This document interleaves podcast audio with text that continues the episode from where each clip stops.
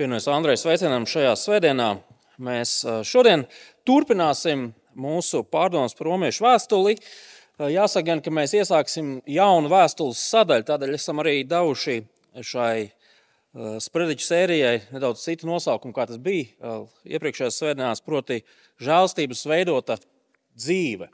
Un, kā mēs redzēsim, tad patiesi šajā vēstules izskaņā pēdējās nodaļās Pāvils ļoti lielā mērā runā par praktisko kristiešu dzīvi, taču tas nav atrauts no visa tā, ko viņš pirms tam ir mācījis savus ļaudis caur, caur Pāvilu.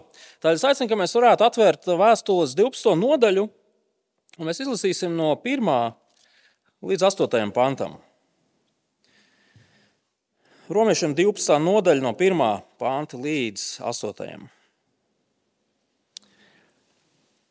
Es jūs aicinu, brāļi, Dieva apžēlošanās dēļ, nododiet sevi pašus, tā lai ir jūsu apzinīgā kalpošana Dievam, kā dzīvu, svētu un Dievam tīkam upuri.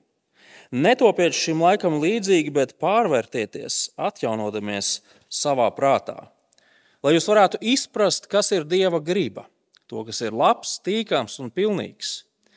Jo žēlstībā, kas man dota, es ikvienam jums saku, neuzskatiet sevi par pārākiem kā citi, esiet saprātīgi.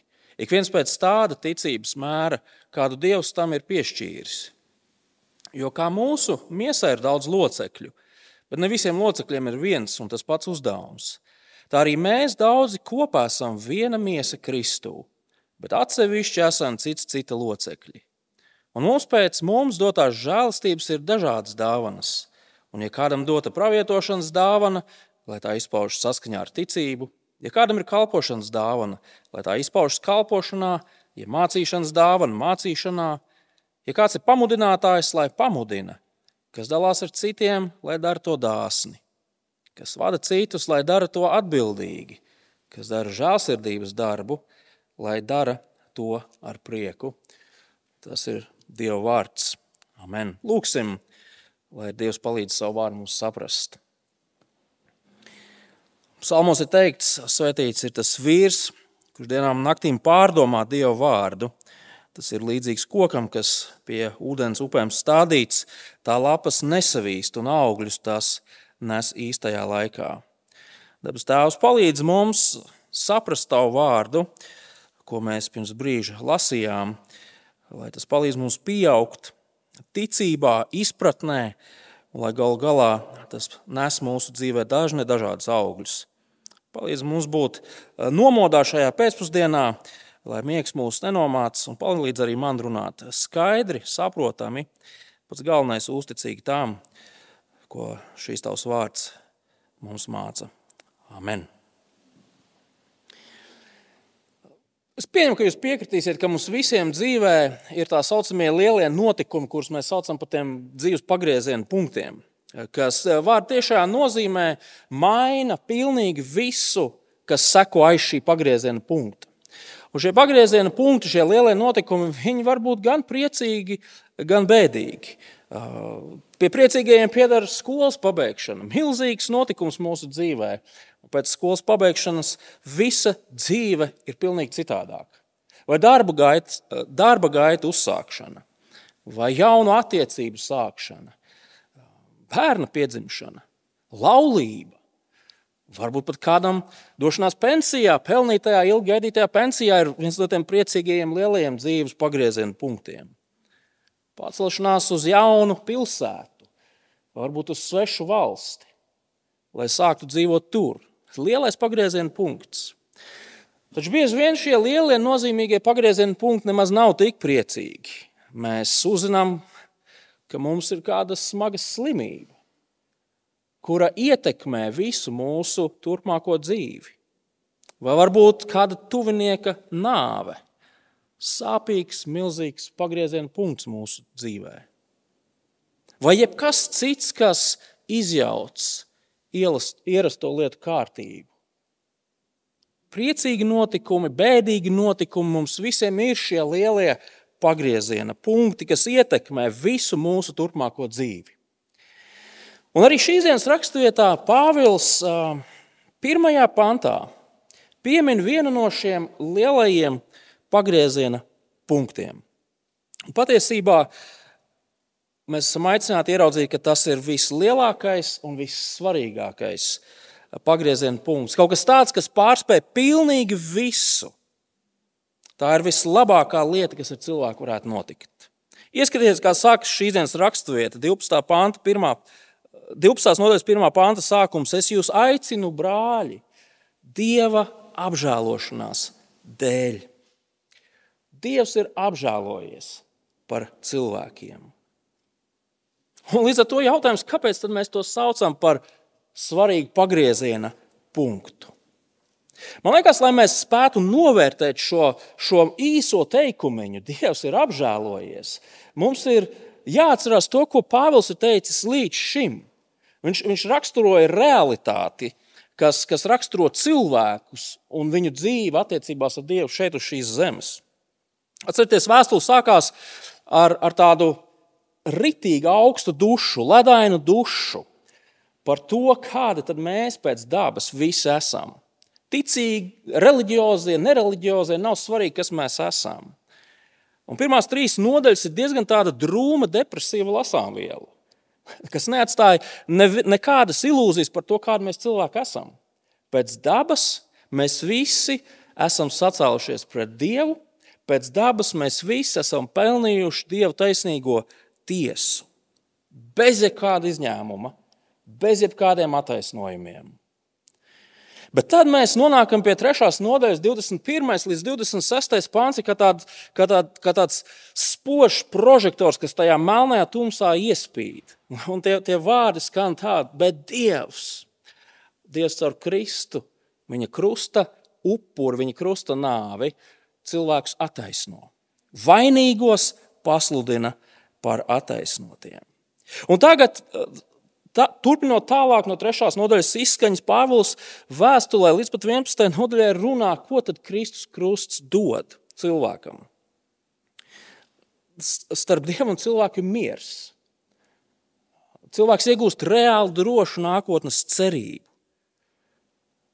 Viņš, viņam vairs nav nekādas pazudināšanas. 8. nodaļas, 1. pāns. Nekas un neviens jebko jūs varētu nosaukt, nekad nešķirs Dieva glābto cilvēku no tā, ko Dievs viņam ir sarūpējis.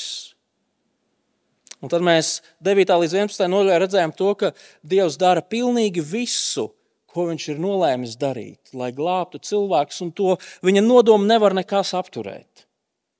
Ne cilvēku spītība, ne, ne kādi tur faraoni vai, vai ļauni valstu valdnieki šo apžēlošanu, ko Dievs parāda caur Kristu, nevar pazaudēt, to nevar nozagt. Inflācija to nekādā veidā nemazina. Nav svarīgi, kas tu esi, nav svarīgi tas, ko tu esi darījis dzīvē, ja tev ir dota Dieva apžēlošana. Tas ir pa īstām. Un tu esi neatgriezniski glābts no Dieva taisnīgajām dusmām un tiesas.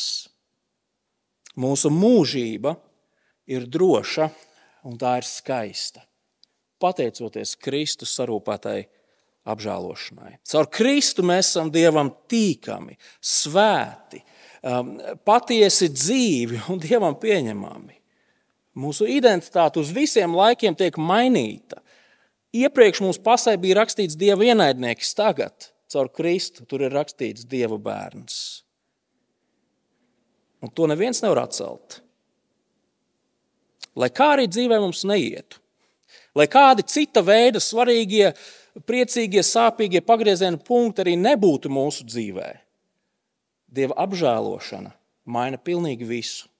Tas ir pats svarīgākais, kas ar cilvēku, pats labākais, kas ar cilvēku var notikt. Aizņemoties, aizņemoties izteicienu no nelaiķa šefpavāra Mārtiņa Rītiņa, kas var būt labāks par to? Un atbildi ir nekas. Dieva apžēlošanās ir labākais, kas ar cilvēku var notikt. Tas ir jauns sākums, mēs varētu teikt.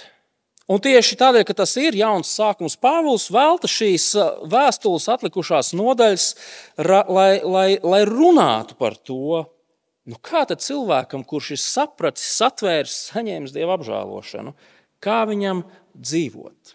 Jo redziet, Dieva apžēlošana, Dieva žēlastība, viņa ietekmē visu mūsu tālāko dzīvi, kas seko tam mirklim, kad mēs saprotam, ka mēs esam Dieva apžēloti.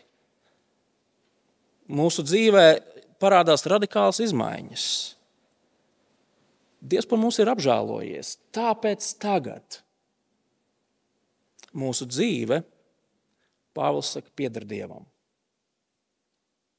Tā arī ir šīs dienas raksturītas galvenā doma. Dievs par mums ir apžēlojies. Tāpēc tagad mēs piedaram Viņam. Dievs mūs ir izglābis, lai mēs dzīvotu Viņam. Un kā mēs to redzēsim šajā un arī nākamajās svētdienās, tad, tad šī dzīve dievam ir kaut kas reāli praktisks, kaut kas reāli uh, sataustāms, redzams, novērtējams. Un ne tikai redzams, bet arī par labu nākošu. Un ne tikai cilvēkam, kurš ir apžēlos, bet visiem, ar kuriem viņš ir kontaktā. Sākot ar 12. nodaļas pirmo pāntu, Pāvils kristiešus māca par to, ko tas reāli nozīmē. Ko nozīmē, kā izskatās dzīve, kas pieder Dievam? Kā izskatās Dieva žēlastības veidota dzīve? Dievs par mums ir apžēlojies, tāpēc mūsu dzīve pieder Viņam. Grieķu valodā 12. pāns, es atvainojos, es visu laiku lietoju jaunas nodaļas ar pantiem. 12. Um, nodaļas pirmais pāns Viņš sākas ar mazo burvīgo vārdiņu tāpēc. Tāpēc es jūs aicinu, brāļi, Dieva apžēlošanās dēļ. Vai mēs varētu teikt, Dieva apžēlošanās dēļ, tāpēc es, brāļi, jūs aicinu. Nododiet sevi pašus. Tā ir jūsu apzinīgā kalpošana Dievam, kā dzīvu, svētu, Dievam tīkamu upuri. Dievs mūs ir apžēlojis un izglābis. Un tāpēc tagad kristietis ir aicināts kalpot, jeb pielūgt Dievu. Līdz ar to tāds, tāds normāls nākamais jautājums ir, kā tas izskatās? Kā šī, kā šī kalpošana izskatās? Kā šī pielūgšana izskatās? Un no šī panta mēs redzam, ka tas ir ļoti radikāli. Tas ir nereāli radikāli. Tā ir sevis atdošana Dievam kā upuri. Un mēs jau visi saprotam, ko nozīmē ziedot. Pareizi, mums šeit stāv ziedojuma kastīte, kurā cilvēki šeit iemet kādu naudu. Un šis žests, tā naudas iemešana ziedojuma kastītē, nozīmē to, ka tā nauda tā nav mana nauda vairs. Es viņu atdodu, lai dieva darbs varētu notikt. Vai senajās dienās, vecajā derībā, cilvēki nāca uz templi, lai upurētu dievam, tajā brīdī, kad viņi pienesa šo upuru jēru dievam, vai vienalga, ko viņi tur upurēja, eh, gan par saviem grēkiem, gan kā pateicības upurs. Nu, viņi teica, tas pieder dievam, tas vairs nepieder man, tas ir dieva. Tagad Pāvils, izmantojot tieši šo pašu ideju un šo pašu valodu, kristietim, dieva apžēlotajam cilvēkam, saka, ņem sevi un līdzīgā veidā pienes sev dievam. Viss, kas mēs esam, katra mūsu dzīves diena un viss, ar ko mēs tās savas dzīves dienas aizpildām, ir jādod dievam. Ikviena mūsu dzīves joma pieder viņam. Un Pāvils saka, ka šādā sevis atdošanu, un mēs pēc brīža redzēsim, ko tas nozīmē. Ja? Tas, tas nav nekas abstrakts. Tur ir noteikts lietas, ko Pāvils to saprot. Bet šāda sevis atdošana dievam ir apzinīgā kalpošana, jeb pielūgsme. Šis pants visa cita starpā ļoti skaidri pasaka to, ka, ka mums ir jābūt tādiem zinošākiem, kā mēs lietojam vārdu pielūgsme. Mēs bieži vien sakām, pielūgsme ir tas, ko mēs te darām. Dziedam, ejam lūdzām, piedalāmies svētdienas dievkalpojumā, un tā ir tā, tā pielūgsme. Un pareizi jau ir, gan dziesmas, gan dievkalpojumi, dalība dievkalpojumā ir pielūgsme, bet tas ir tāds mazs, maz, maza kripatiņa no tā, ko nozīmē pielūgt Dievu. Jo tā vien izskatās, ka pielūgsme ir viss, ko mēs darām, kā apžēloti cilvēki. Es nezinu, kā jūs, bet reizēm cilvēki dzirdot šādu radikālu, absolūtu apgalvojumu, nedaudz salecās, tā kā noraustās acu plakstiņš, un kā, tad, tad nervozitāte parādās. Kaut kas mūsos līdz galam to nevēlas pieņemt. Protams, ka mēs, kā dieva ļaudis, mēs gribam kalpot dievam. Mēs gribam viņam paklausīt, mēs gribam, kā Pāvils saka, viņu pielūgt. Taču vienlaikus mēs gribam novilkt robežu. Mēs gribam tik tālu un ne tālāk. Mēs gribam noteikt to, cik daudz mēs varam atļauties Dievam kalpot, un kur jau paliktu tā teikt nērti un, un nepatīkami to darīt. Taču ar Dievu nav iespējama šāda kaulēšanās. Ar Dievu vienmēr ir visu vai neko. Un tieši tādēļ un to es ļoti uzsveru. Tieši tādēļ ir svarīgi ieraudzīt Pāvila vārdu secību. Pāvils pasaka konkrētā secībā šo teikumu. Proti, Dievs par mums ir apžēlojies vispirms, un tāpēc mēs esam aicināti nodot savu dzīvi viņam kā upuri. Pēc tam vispirms nāk glābšana, un tikai pēc tam nāk cilvēka dzīve dievam. Turklāt vēl viena lieta, ko mums vajag saprast. Šī, šī glābšana tā nav kaut kāda tāda, ja tā varētu teikt, bezpersoniska bankas uh, transakcija, kurā visu varenais, žēlsirdīgais Dievs tagad mūsu garīgās kaut kādas dzīves un statusa bankā vienkārši pārskaita milzīgu naudas summu un saka, lūdzu, ņem. Uh, bezpersoniski neiesaistīti, dod kaut ko labu. Nē, caur apžēlošanu. Dievs patiesībā atklāja to, kāds viņš ir. Šī apžēlošana, šis process, tas ir personisks. Un caur to mēs uzzinām to, kāds ir Dievs. Ko viņš domā, ko viņš dara un kā viņš raugās uz mums. Draugi, Dieva apžēlošana runā par, par Dieva bezgalīgo mīlestību pret mums. Apžēlošana runā par absolūto dieva labvēlību uz cilvēkiem, par kuriem viņš apžēlojas. Astotā nodaļā Pāvils saka, ja Dievs ir par tevi, proti, Dievs ir par apžēloto cilvēku, viņš ir savu ļaužu pusē, ja tā var teikt. Un viņa nodoms ir savus ļaudis aizvest līdz galam, līdz jaunai radībai. Viņš vēlas mūs redzēt pilnīgus, bez traipiem, negludumiem un kā tam līdzīga. Un nav nekas tāds, kas varētu likt šķēršļus šim dievu nodomam, lai izjauktu dievu labos nodomus attiecībā uz saviem apžēlotajiem cilvēkiem. Dieva apžēlošana nozīmē to, ka šim varenajam pasaules radītājam viņam reāli rūp, reāli rūp tas, kas notiek ar katru apžēloto cilvēku. Apžēlotie cilvēki ir Dieva mīļotie bērni, viņa acu Mēs viņam reāli un patiesi rūpam. Lūk, kādam dievam mēs esam aicināti atdot savu dzīvi. Lūk, kādu dievu mēs esam aicināti pielūgt. Lūk, kādam dievam mēs esam aicināti kalpot. Ja kāds mūs izglābtu no reālām nāves briesmām, mēs būtu šim cilvēkam ārkārtīgi pateicīgi, bezgalīgi pateicīgi. Ja kāds mums reāli palīdz tikt galā ar mūsu problēmām, mēs šim cilvēkam esam mūžīgi pateicīgi parādā. Dieva apžēlošanas darbs cilvēkus izglāb no mūžīgas pazudināšanas. Tāpēc tagad. Bet kas tieši mums ir jādara? Nu, kā tieši izskatās šī sevis atdošana Dievam? Tas ir ārkārtīgi svarīgs jautājums, jo reizēm cilvēkiem cilvēki tā līdz galam to nesaprot.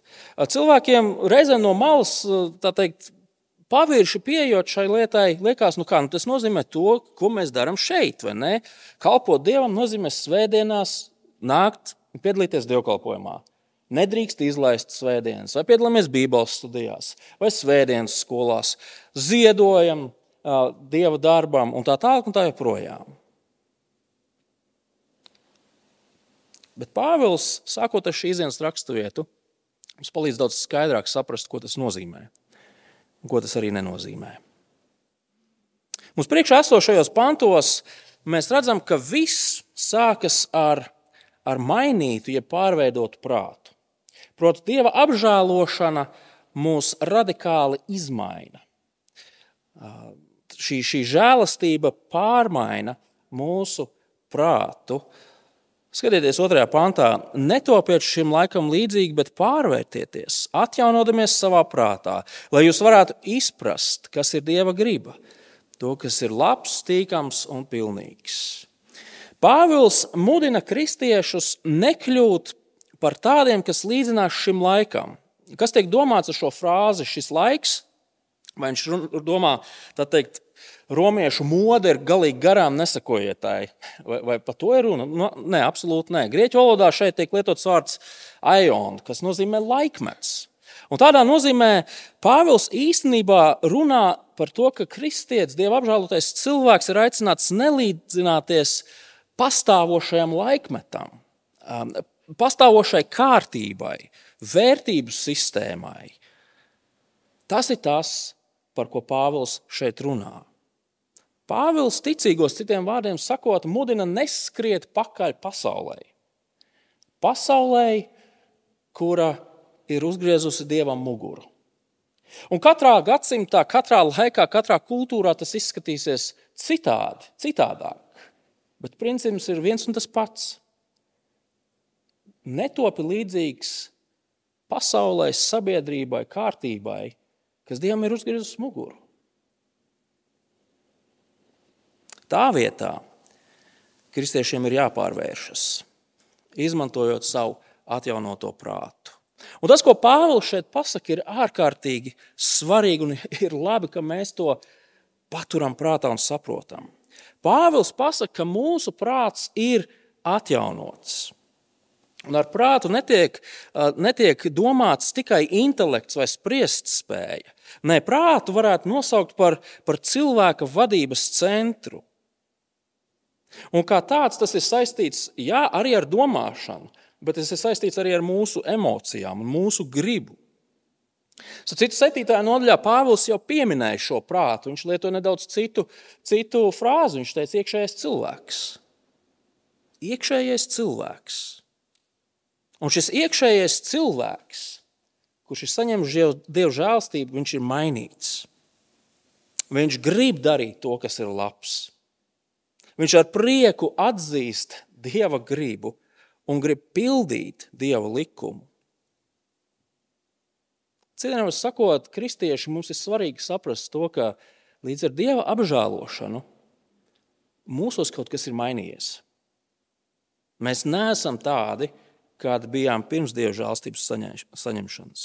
Mūsos visos ir kaut kas tāds, kas reāli un pa īstām mīl dievu Kaut kas tāds, kas vēlas paklausīt Dievam, kaut kas tāds, kas vēlas darīt to, ko Dievs saka, šis ir labs un tīkams manās acīs. Kaut kas tāds, kas raud un bēdājas par grēku, par lietām, kuras, kuras ir vērstas pret Dievu. Ja tu esi kristietis, tad tu jau esi šis jaunais cilvēks, mainītais prāts. Un tagad Pāvils saka, lai, lai šis mūsu jaunais prāts, šis mūsu, mūsu mainītais iekšējais cilvēks ņem virsroku un pamazām pārveido arī to mūsos, kas vēl kaut kāda iemesla dēļ spirinās pretī Dievam un Dieva gribai. Un arī šī nav gluži jauna ideja, jo Pāvils 6. nodaļā um, runāja par to, ka, ka mums ir jāvalda par saviem locekļiem. Vai 7. nodaļā viņš šo mūsu daļu, kas spirinās par Dievu, sauc par mūsu miesu. Un te nav runa tikai par rokām, kājām. Ja? Tas ir nedaudz plašāk jāsaprot. Mūsu uzdevums ir strādāt, citiem vārdiem sakot, pie tā, lai mūsu prāts, kurš ir atjaunots, pārņemtu vadību pār mūsu spītīgo un pie vecajiem ieradumiem, niķiem un stiķiem, vienmēr skrienot gribošu, skriet gribošo veco dabu. Proti, mūsu prāts, mūsu iekšējais cilvēks zina evaņģēliju. Tas zina dieva apžēlošanu, tas pazīst dieva darbu, tas zina dieva nodomu, to, ko Dievs mums ir atklājis. Un tagad to, ko mēs zinām, ko esam satvēruši, tam ir jāvalda soli pa solītam, ar vien vairāk un vairāk par visu mūsu dzīvi, jebkuru jomu. Interesanti, ka vārds pārvērsties šajā otrajā pantā, viņš jaunajā darbā tiek izmantots ļoti reti. Un visur, kur viņš ir izmantots, viņš ir izmantots saistībā ar Jēzu apskaidrošanas kalnā. Atcerieties to, to, to notikumu, kur dažiem izredzētajiem mācekļiem bija iespēja Jēzu ieraudzīt nu, tā pa tādu mazu šķirbiņu uz īsu brīdi viņa godības pilnajā veidolā. Un tagad, runājot par kristiešiem, Pāvils lieto to pašu vārdu. Un tādēļ mēs varētu jautāt, vai tas nenozīmē to, ka Pāvils šeit runā par to, ka mums ir jāizmanto savs mainītais iekšējais cilvēks, kas balstās Dieva patiesībā un žēlastībā, lai soli pa soli tagad mācītos dzīvot saskaņā ar savu mainīto un kādu dienu absolūtu šo pilnīgu pilnību saņēmušo identitāti. Mēs vēl neesam tur, bet mēs noteikti tur būsim. Un tāpēc tagad izmanto savu, savu, savu prātu, tādā plašākā nozīmē, nevis tikai intelektu, lai visu savā dzīvē pakārtot tam un mainītu. Un kāds tam būs rezultāts? Pāvils saka, lai jūs varētu izprast, kas ir Dieva griba to, kas ir labs, tīkams un pilnīgs. Svarīgi, ka mēs saprotam to, ko Pāvils šeit pasaka. Pāvils šeit nepasaka to, ka tagad, draugi, eksperimentējiet ar visādu lietu darīšanu, lai caur eksperimentiem un dažādām pieredzēm jūs beig, beigās saprastu, nu, kas tad ir tā dieva griba. Ne, tas nav tas, ko Pāvils šeit saka. Drīzāk uzsvers ir uz to, ka darot dieva gribu, to, ko Dievs ir jau atklājis, mēs pārliecināsimies par to, kas ir labs, tīkams un pilnīgs. Tad tā ir atšķirība. Mēs paši nemēģinām ar eksperimentiem noskaidrot, ko Dievs mūsu dzīvē grib. Ne, mēs, mēs paņemam to, ko Viņš jau pateicis, un mēs to praktizējam. Un tad mēs nonākam pie secinājuma, ah, tas tiešām ir labs, pilnīgs. Nu, piemēram, Dievs savā vārdā ir teicis, uh, lai kristieši cits citu mīl ar praktisku un pašaizliedzību mīlestību. Un mēs sākam šo lietu praktizēt, šo, šo praktisko, pašaizliedzīgo cita mīlestību. Un jo vairāk mēs to darām, jo mēs sakām, ej, bet tur kaut kas ir. Tas ir reāli labi. Tas nāk par labu gan man, gan tam otram un tiem citiem. Vai arī mēs zinām, ka ka Dieva griba ir, lai ticīgie, tie, kas ir ticībā stiprāki, lai viņi pieņem tos, kas ir ticībā vājāki. Necīnoties tur par savu taisnību, visu laiku cenšoties uzvarēt savos, savos strīdos. Un tā mēs sākam ticībā mazāk nobriedušus brāļus un māsas pieņemt, par viņiem lūgt, par viņiem rūpēties. Un mēs redzam, ka tas ir ritīgi labi. Kaut kas notiek, kaut kas mainās gan mūsos, gan viņos. Turēšanās pie Dieva atklātajiem nodomiem. Turoties pie Dieva atklātajiem nodomiem, mēs pārliecinamies, ka tie patiešām ir labi. Ka tie patiešām ir kaut kas tāds, kas ir vērtīgs. Un to darot un to redzot, mēs to gribam darīt vēl vairāk. Lūk, kā tas process strādā. Pasaule ap mums māca to, ka vissvarīgākais ir dzīvot sev, darīt to, kas pašam patīk, vai nu, tuvāko lokam, svarīgiem cilvēkiem. Atmest visu to, kas mūs ierobežo. Un, un mūsdienu sabiedrība māca, ka atmest var pat dievu, ja viņš mūs kaut kādā veidā ierobežo. Taču šī nodaļa sākas ar aicinājumu kristietī. Tu esi aicināts dzīvot citādāk. Mēs esam Dievu izglābti, mēs esam Dievu mainīti. Mēs esam cilvēki, kas kādu dienu piedzīvos godības pilnu uh, nākotni. Tāpēc tagad mācies dzīvot citādāk. Dzīvot tā, kā Dievs to ir atklājis.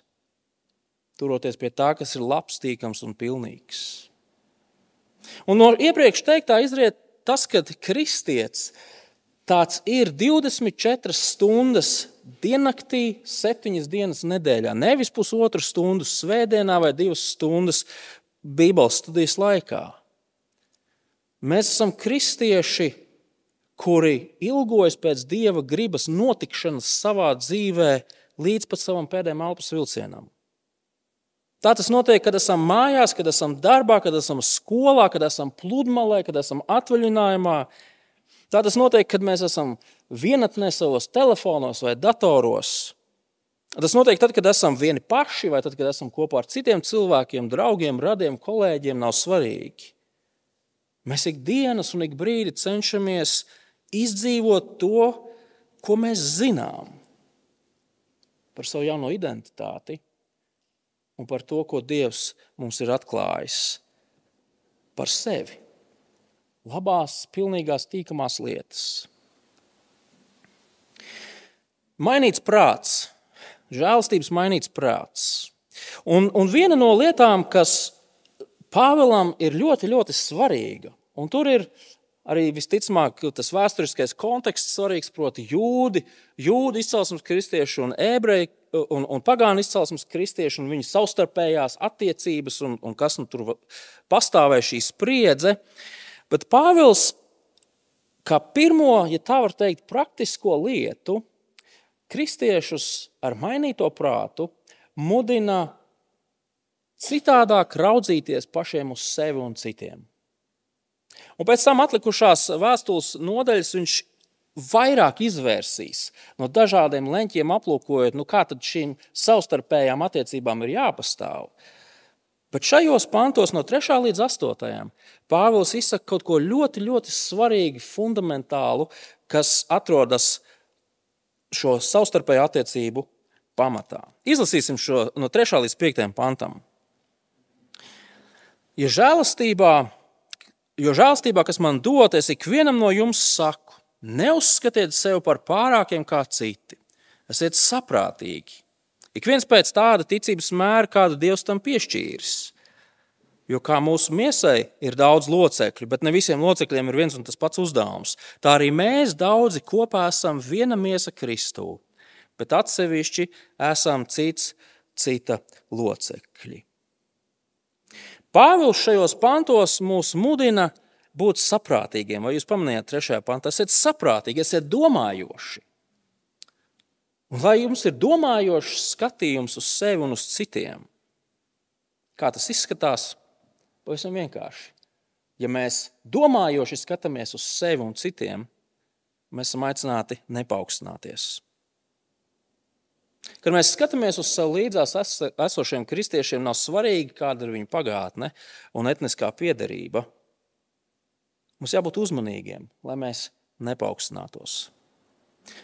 Kristiešu vidū nav vietas lepnumam, kas ir balstīts mūsu izglītībā, mūsu rīcībā, mūsu sasniegumos, mūsu paziņu lokā, mūsu izskatā, mūsu fiziskajā vai kāda cita veida spēkā.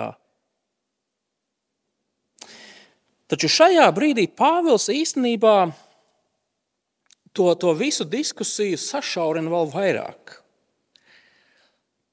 Viņš vēlas, lai kristieši nesāktu paaugstināties divās šķietami nu, tādās pašsaprotamās uh, un iespējams nevainīgās jomās, proti, izpratnē, jeb ticībā un dāvanās, kas cilvēkiem piemīt.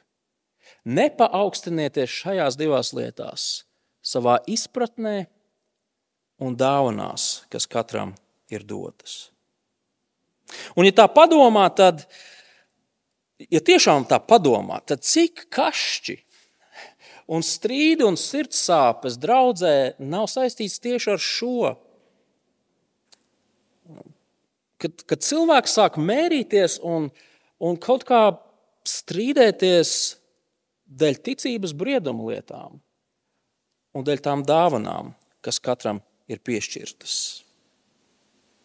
Tiem, kuriem ir dots, tie skatās uz tiem, kuriem nav dots no augšas, un tiem, kuriem nav dots, tie skatās ar kaut kādu tādu žultainu skaudību un nepatiku uz tiem, kuriem ir dots. Mēs visi zinām, ka tas reāli strādā.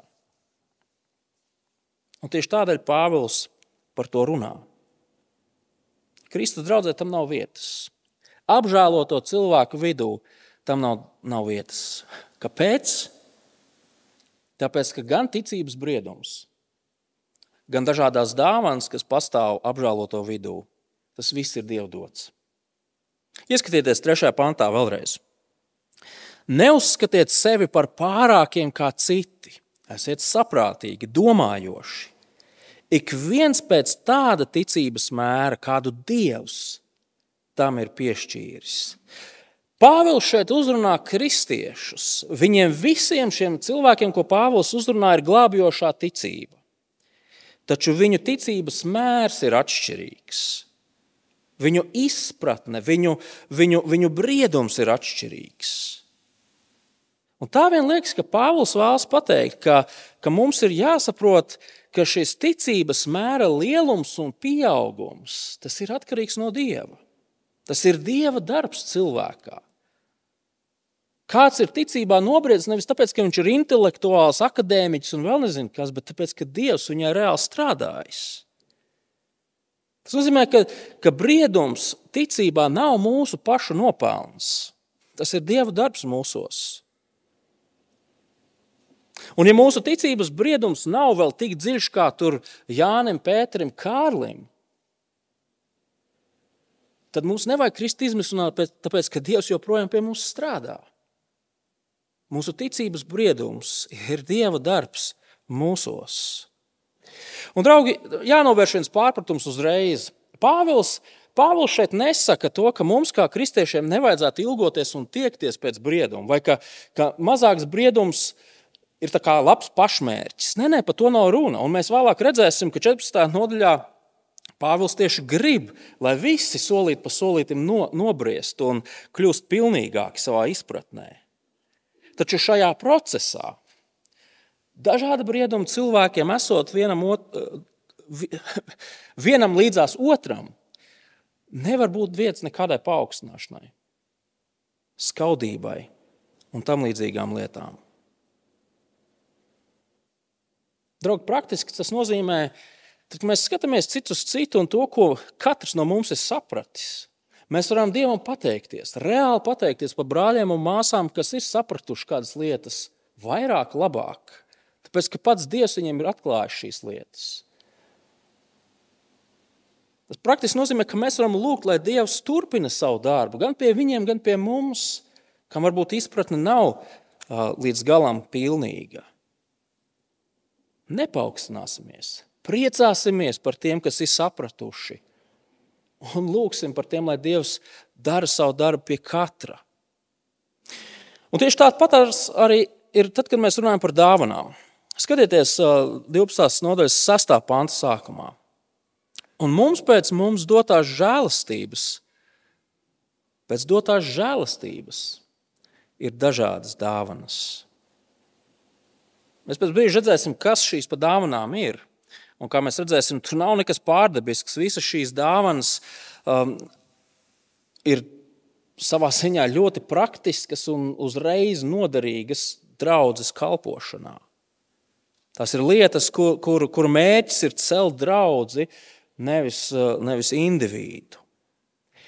Bet tas, ko Pāvils saka, šīs dāvanas, šīs dažādas dāvanas, tas tiesa. Jūs visi esat ļoti atšķirīgi un dažādi.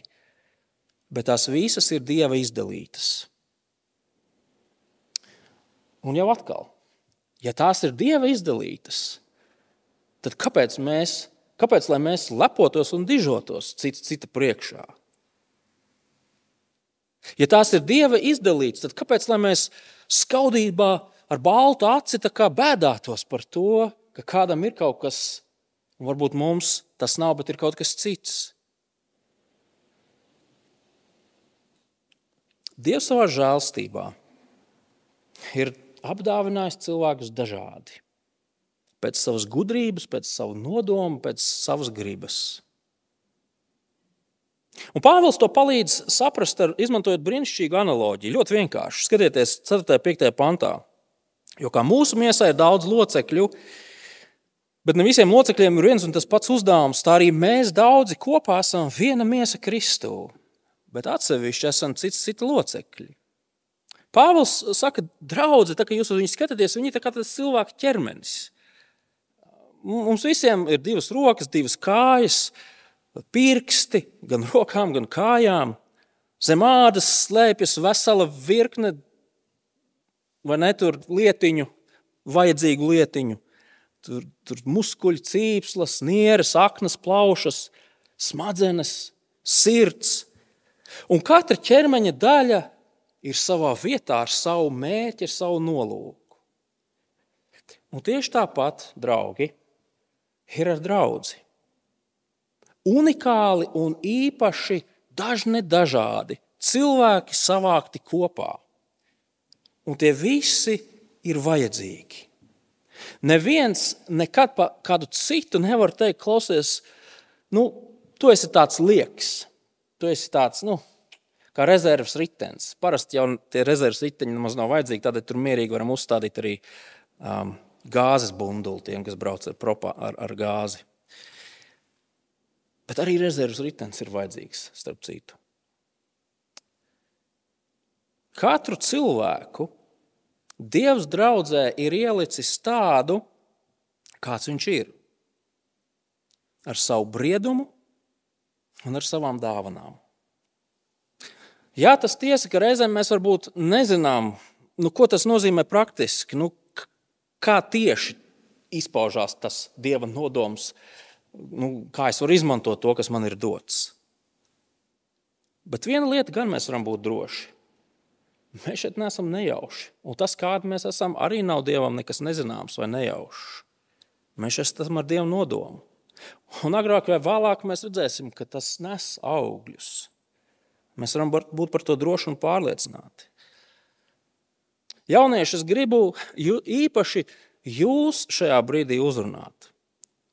Jo iespējams no visiem klātesošajiem, tieši jauniešiem un varbūt tādiem cilvēkiem, kas nu pat kā ir nākuši pie ticības, ir šis aktuālais jautājums. Nu, zini, nu, man jau tā izpratne tāda pavisam maziņa. Nu, un arī es tā īsti nezinu, kā es varu būt noderīgs Dievam, kas ir tās manas dāvāns, kā es varu palīdzēt. Un jums es gribu teikt, draugi, nejūtieties nērti, nevērtīgi, mazvērtīgi. Dievs zina jūs, Dievs pazīst. Viņš strādā jūsos, viņš audzē jūsu izpratni. Un viņš zina to, kā jūs varēsiet kalpot draudzē, agrāk vai vēlāk, vienā vai citā veidā. Un tieši tāpat arī jauniem kristiešiem. Nebēdājieties, neskumstiet par to, ka jūsu izpratne varbūt ir ierobežota un jūs visas lietas nesaprotat. Tas ir normāli. Dievs dara savu darbu pie jums. Un savā laikā jūs atradīsiet arī savu vietu un veidu, kā jūs varat palīdzēt draudzēji. Un nobeigumā Pāvils min šīs šajā brīdī septiņas lietas, šīs septiņas dažādas dāvanas, ko Dievs ir devis cilvēkam. Un kā jau mēs redzējām, tas ir jāizmanto ķermeņa, jeb draudzes labā. Skaidrs, ka šis nav visaptverošs saraksts, jo citās vēstulēs Pāvils, kaut vai tas pats Pāvils, viņš runā par citām lietām. Bet visas šīs septiņas dāvanas mēs īstenībā varam sadalīt tādās divās kategorijās. Viena, kas ir saistīta ar, ar, ar, um, ar pieaugšanu izpratnē, un otra kategorija, kas ir šī praktiskā, praktiskā palīdzēšana. Izlasīsim no 6. panta. Un, pēc, un mums pēc mums dotās žēlstības ir dažādas dāvanas, un ja kādam dot pravietošanas dāvanu, lai tā izpaužas saskaņā ar, ar ticību, ja kādam ir kalpošanas dāvana, lai tā izpaužas kalpošanai, mācīšanas dāvana, mācīšanai, ja kāds ir pamudinātājs, lai pamudina kas dalās ar citiem, lai dara to dāsni, kas vada citus, lai dara to atbildīgi, kas dara žēlsirdības darbu, lai dara to ar prieku. Pirmā kategorija - mācīšana, jeb, jeb izpratnes veidošana. Pravietošanas dāvana, mācīšanas dāvana, pamudināšanas dāvana. Tās visas ir saistītas ar to, lai Dieva vārds varētu izskanēt un tikt izskaidrots Dieva draudzē. Pravietošana, draugi, nenozīmē kaut kādu nākotnes pareģošanu. Nē, vecajā derībā pravietis bija cilvēks, kurš paņēma to, ko Dievs bija atklājis, un pastāstīja par to citiem. Tik vienkārši. Ja? Pamudinātājs, šis, šis vār, grieķu valodas vārds, tas nozīmē paņem to, ko tu esi dzirdējis, šo patiesību un palīdzi saprast otram, ko tas reāli nozīmē viņa dzīvē. Kā pielietot šo patiesību. Dievs ir devis draudzē cilvēkus, kuri spēj šīs lietas darīt. Kāpēc? Tāpēc, ka Dievs grib, lai cilvēki pieaug izpratnē. Un viņš izmanto cilvēkus, kuriem ir dotas šīs dāvanas. Bet arī šīs praktiskās palīdzēšanas dāvanas, kalpošana, dalīšanās, jeb, jeb materiāla labuma došana, vadīšana, žēlsirdības darbs. Tas visas ir praktiska rakstura. Un praktizējot visas šīs lietas, Pāvils grib lai, lai tas tiktu darīts kārtīgi, ar atbildību, dāsni, ar prieku. Citiem vārdiem sakot, Pāvils, minot šo, šo uzskaitījumu kā tādu piemēru, vēlas, lai kristieši pareizi raugoties cits uz citu, kā uz dieva žēlstību, saņēmušiem cilvēkiem, ar pazemību un pateicību cits citam kalpotu nenonicinot otru, nenicinot otru, neapskaužot otru. Un man kā vadītājam ir prieks skatīties uz, uz, uz mūsu mazo draudzīti, kurā cilvēki tiešām cenšas izmantot savu dievu doto sapratni un dāvāns, lai kalpotu cits citam. Sākot ar Bībeles studiju vadīšanu, svētdienas skolas eh, mācīšanu, beidzot ar viesmīlību, draudzes finanšu menedžēšanu, praktisko gudrību, rūpēm par to, lai draudzē it viss notiktu, kas ir nepieciešams, lai varētu šī kalpošana iet uz priekšu. Kopsavilkumam Dievs par mums ir apžēlojies. Dievs ir parādījis mums žēlastību. Un kopš tā brīža nekas vairs nav tā kā līdz tam. Un Dievs caur Pāvilu šajā brīdī mudina mūs apžēlošanas atvērušas, dzīvot viņam. Un tas nozīmē, ka mēs ar savu atjaunoto izpratni, savu iekšējo cilvēku, katru dienu centīsimies um, dzīvot saskaņā ar viņu atklāto gribu. Un tas nozīmē arī to, ka mēs pareizi raudzīsimies cits uz citu. Mēs viens otru uzlūkosim kā dieva apžēlošanas līdzsaņēmējus, nepaukstinoties, bet viens par otru priecājoties. Ar, ar, ar, ar nepacietību gaidot tos dažādos augļus, kurus Dievs nesīs caur mūsu kopīgo darbošanos kamēr mēs ejam pretī tai dienai, kad mēs būsim pilnīgi. Dievu priekšā ar pilnīgu sapratni. Tā būs brīnišķīga diena. Lūksim. Tāpēc tās patiesi mums ikdienas ir jākavējas pie šī fakta, ka Kristu tu esi par mums apžēlojies.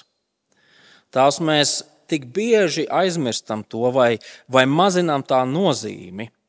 Bet tā ir pati, pati svarīgākā lieta, kas ar cilvēku šajā dzīvē var notikt. Saņemt tavu žēlstību, tavu atdošanu, tavu attaisnošanu. Mēs pateicamies, ka tu nepelnīti mums to esi dāvājis. Un lūdzam, lai satvēruši šo tavu apžēlošanu, mēs varētu dzīvot kā tavi ļaudis. Katru savu dzīves jomu pakārtojot tavai gribai, un cits citu ceļot un vedot pretī mūžības godībai. Tās mēs to lūdzam Jēzus vārdā. Amen.